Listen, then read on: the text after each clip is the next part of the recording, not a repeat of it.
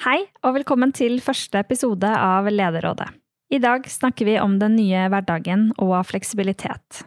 Vi får interessante lederperspektiver om tillit og innsikt i de formelle rammene man må forholde seg til når det gjelder hjemmekontor. I de første seks episodene vil vi snakke om det nye arbeidslivet og hjemmekontoret, og hvordan man kan komme frem til gode ordninger som arbeidsgiver. Mitt navn er Hanna Sande Jacobsen, og jeg er COO i DeWitt eh, og skal lede dere gjennom denne podkasten. Med meg i studio i dag så har jeg annet eh, deg, Stein Ragnar Noreng, som er administrerende direktør i DeWitt. Velkommen. Tusen takk. Du har jo lang ledererfaring, og så startet du DeWitt i, i 2015. Kan ikke du fortelle oss litt om eh, hvorfor vi har valgt å starte denne podkasten? Det kan jeg gjøre. I DeWitt, da jeg starta DeWitt, så var det en stor ambisjon om å etablere DeWitt som eh, det vi kaller for næringslivets beste støtteapparat. Og det er mange fagtema som vi eh, har ekspertise på sjøl, og så har vi samarbeid med flere ekspertmiljøer på områder som ikke vi er så gode på. Og tanken bak podkasten er at, eh, basert på min egen erfaring som leder i over 30 år, det er mange dilemmaer som du som leder kommer over du har et stort behov for å diskutere med andre, og du har et behov for å dele erfaringer. Og Det er det vi håper vi skal få til gjennom eh, denne podkastserien som vi setter i gang med nå. Mm. Og i dag så skal vi gjøre det sammen med gjestene våre fra advokatfirmaet Humle Olsby Littler. Velkommen til dere, Lise Gran og Trond Erik Solheim. Takk. Takk, takk. Det er jo ingen tvil om at hjemmekontoret har fått en ny boost eh, det siste året. Og nå er vi jo der at ledere må ta stilling til mer frivillig og langsiktige ordninger for hjemmekontor. Stein Ragnar, med den erfaringen som du har fra ulike lederroller, hva tenker du om det? Ja, først tenker jeg at erfaring som eh, leder, erfaringer som trengs rundt dette, har jeg jo ikke direkte. Vi har ikke vært borti denne situasjonen selv, eh, før, med at vi skal finne en god kombinasjon av hjemmekontor og kontor, kontor. Før pandemien så var jo hovedregelen at eh, alle var på kontoret. Nå har vi vært gjennom en pandemi hvor hovedregelen har vært det motsatte. Og begge deler har jo fordeler og ulemper. Og det som eh, gjelder nå, det er å finne det beste fra begge deler, og utnytte det. Så det kan bli på en fleksibel måte, til beste for både de ansatte og for virksomheter. Mm. Fleksibel og fleksibilitet, det syns jo å være et stikkord ved den nye arbeidshverdagen. Men vi ser også at mange ledere og virksomheter er litt sånn redd for at denne fleksibiliteten og økt hjemmekontor faktisk kommer til å gå på bekostning av noe, spesielt av kultur og arbeidsmiljø. Og noen eh, virksomheter, altså for å ta oljefondet som et eksempel, de velger jo modeller hvor man har litt styring på når de ansatte er til stede på kontoret, for å prøve å unngå at det skal påvirke kultur og miljø for mye. Tror du det er, du det er klokt, eller? Ja, som hva som er klokt, er jo det vi skal prøve å finne ut av. Men spørsmålet er om det er ledelsen eller eh, de ansatte som eh, vet hva som er best, eller eh, det er en dialog mellom ledelse og ansatte. Jeg ser at en del løsninger som kommer ut nå, så er det bedrifter som har beslutta ulike løsninger, som, som du trekker fram på, av oljefondet. Og jeg er usikker om den løsninga som vi kjenner gjennom media, som oljefondet har uh, valgt, om den er god. Den fremstår som, for meg som uh, rigid. Men det som uh, fleksibiliteten vil utfordre, det er jo hvordan vi bruker styringsretten som arbeidsgiver framover. Mm. Så det å forstå hva ansatte egentlig ønsker å, å ha behov for, det burde være en viktig faktor. Men det er mye arbeidsgivere faktisk må tenke på når de skal vurdere hvordan modell de skal gå for framover, og vi vet jo at det også bl.a. er en rekke formelle perspektiver som man må ivareta, bl.a. styringsretten, som, som, du nevner, Stein Ragnar. Lise, som, som senioradvokat i Humble Olsby, og, og, Trond Erik, du er jo partner i, i samme selskap. Fra deres perspektiv, hva er det egentlig arbeidsgivere må være oppmerksomme på når de skal velge en mer langsiktig ordning for hjemmekontor? Trond Erik? Først av alt, ansatte som jobber fra hjemmekontor, de er på jobb.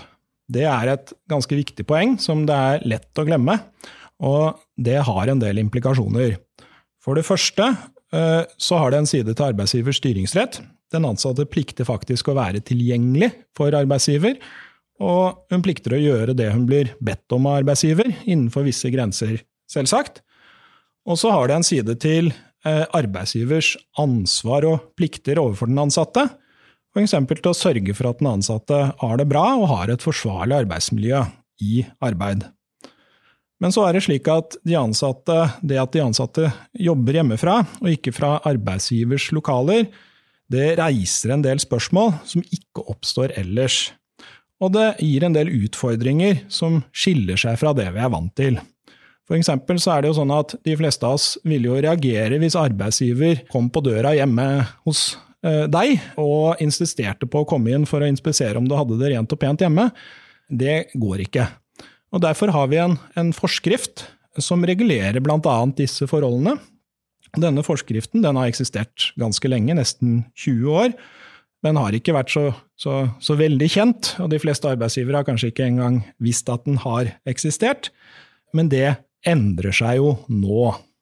Det gjør det, og den hjemmekontorforskriften den kommer man ikke lenger unna å si at man ikke kjenner til, for den har vi hørt veldig mye om det siste året. Eh, og jeg vil tro at dere har behandlet en del saker knyttet til hjemmekontor òg det siste året. Kan du fortelle litt om hva slags type saker dere har hatt på bordet? Ja, vi, vi, opplever nok først og fremst at de fleste arbeidsgivere nå har et langt mer bevisst forhold til, til hjemmekontor. Både fordi mange arbeidsgivere har sett at det har ganske klare fordeler, også for arbeidsgiver, men også fordi arbeidsgiverne har blitt mer bevisst deres plikter til å ha en mer planmessig og systematisk tilnærming til hjemmekontorordningene sine. Og så har jo denne forskriften også kommet mer lenger fram i pannebrasken på de fleste, så de skjønner jo at de faktisk eh, må overholde disse kravene som, som følger av forskriften. Av de spørsmål, eller kall det bestillinger, som vi jobber mest med, så er hovedvekten på å hjelpe virksomheter med å utarbeide en strategi og policy for bruk av hjemmekontor som passer den enkelte virksomhet. Og så er det sånn at Forskriften krever at de ansatte, at det skal inngås en individuell skriftlig avtale med den enkelte ansatte, så vi jobber også med å utarbeide slike avtaler. Mm. Og slik kan man jo sørge for at man får etablert rammeverk og rutiner som tar høyde for alle disse formelle tingene. Men det er jo mye, og spørsmålet er jo om man egentlig klarer å Eh, dekke de situasjonene som kan oppstå som kanskje er litt sånn utenfor normalen nå. Lise, jeg vil jo tro at mange arbeidsgivere har opplevd å møte på litt nye utfordringer gjennom koronaåret? Ja, med hjemmekontor og alt digitalt, så er det jo mange som har kunnet jobbe fra hvor som helst, når som helst. Fra hytta. Kanskje ikke utlandet nå, men jeg tenker det kan kanskje bli en ting fremover å jobbe fra feriehus i utlandet. Spania, for eksempel. Ja, Trond Erik, eh, hva ville du tenkt, tror du, hvis eh, Lise hadde kommet til deg og sagt at nå vil hun ta et år i Syden og jobbe fra familiens feriehus i Spania? Da ville jeg tenkt meg grundig om før jeg hadde svart. Hvorfor det? Altså, Hvilke utfordringer kan man møte på i det tilfellet? Jeg sier ikke at arbeidsgiver i alle tilfeller skal si nei til dette. Det kan være mange grunner, gode grunner for å, å strekke seg langt for å møte de ansattes ønsker. Men det er viktig å være oppmerksom på de særlige spørsmål og utfordringer som, som, oppstår som følge av det, og som kan ha betydning for risikoen for selskapet. Det kan f.eks. Være forsikringsordningene. Det er ikke gitt at arbeidsgivers forsikringer dekker permanent arbeid fra utlandet, og det kan ha skattemessige implikasjoner. Hvis en ansatt flytter til Spania på varig basis og etablerer seg der, og skal fortsette å jobbe for virksomheten, så kan det i sin ytterste konsekvens innebære at virksomheten får fast driftssted i skattemessig forstand i Spania. Og hvis man får det uten å ville det, så har man et problem. Ja, så da må jo arbeidsgiver ha tenkt eh, en god del i forkant. Men hva hvis vi skal se dette fra ansattperspektivet? Altså Lise, du, eh, la oss si du ønsker veldig du å jobbe fra ferieboligen i, i Spania. Det er ikke sikkert du ser så store problemer med det, men du ser antageligvis veldig mange fordeler? Ja, altså man kunne jo tenke seg at eh, folk har en ektefelle som får et eh, midlertidig eh, jobbopphold i utlandet. Da kan den andre være med uten å måtte legge jobb og karriere litt på vent. Kan jobbe, jobbe der fra den perioden det er. Man kan også tenke seg at noen ønsker å bruke foreldrepermisjonen litt sånn, og reise litt rundt eller bo litt et annet sted. Eh, ta med seg familien der, mens eh, den som ikke har permisjon, jobber digitalt eh, derfra. Og så har du også utenlandske ansatte som jobber og bor i Norge, men som kanskje i noen situasjoner med sykdom i nær familie kunne tenke seg å være over lengre tid i hjemlandet for å følge opp de som bor der.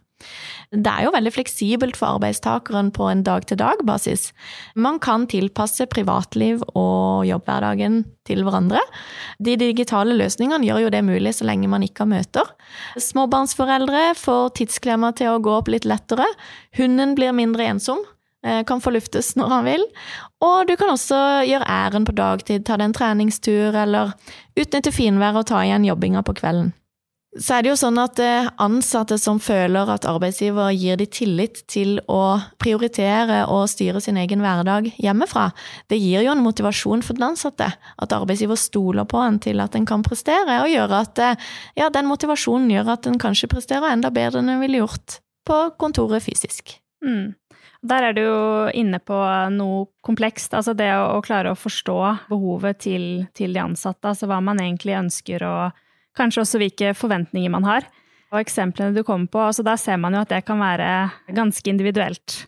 Men at arbeidsgivere kan jo få store fordeler hvis de virkelig klarer å forstå det behovet og, og ivareta det også i, i de policyene man etablerer. Men fra et lederperspektiv, Stein Ragnar, hvor viktig eh, er det å klare å forstå dette?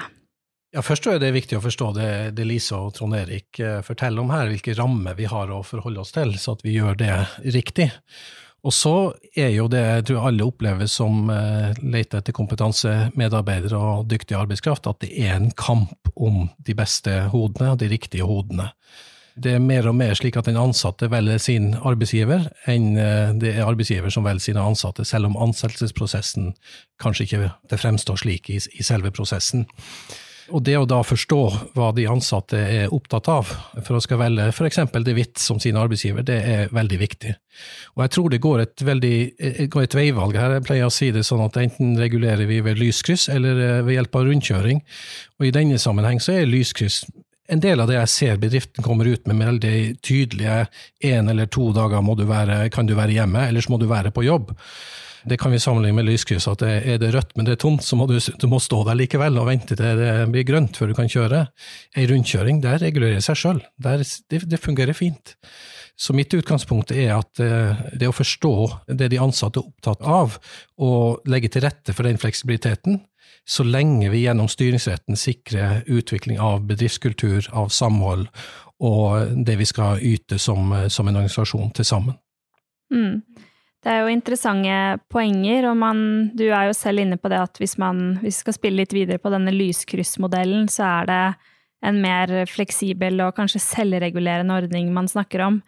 Eh, men du nevner også styringsrett og lyskryssmodell. Altså, jeg tenker at hvis man velger en lyskryssmodell, da kan vel arbeidsgiver òg fort komme i en situasjon hvor man kanskje velger en modell eller ordning som ikke nødvendigvis matcher ansattes behov og forventninger, at det er styrt av, av noe annet.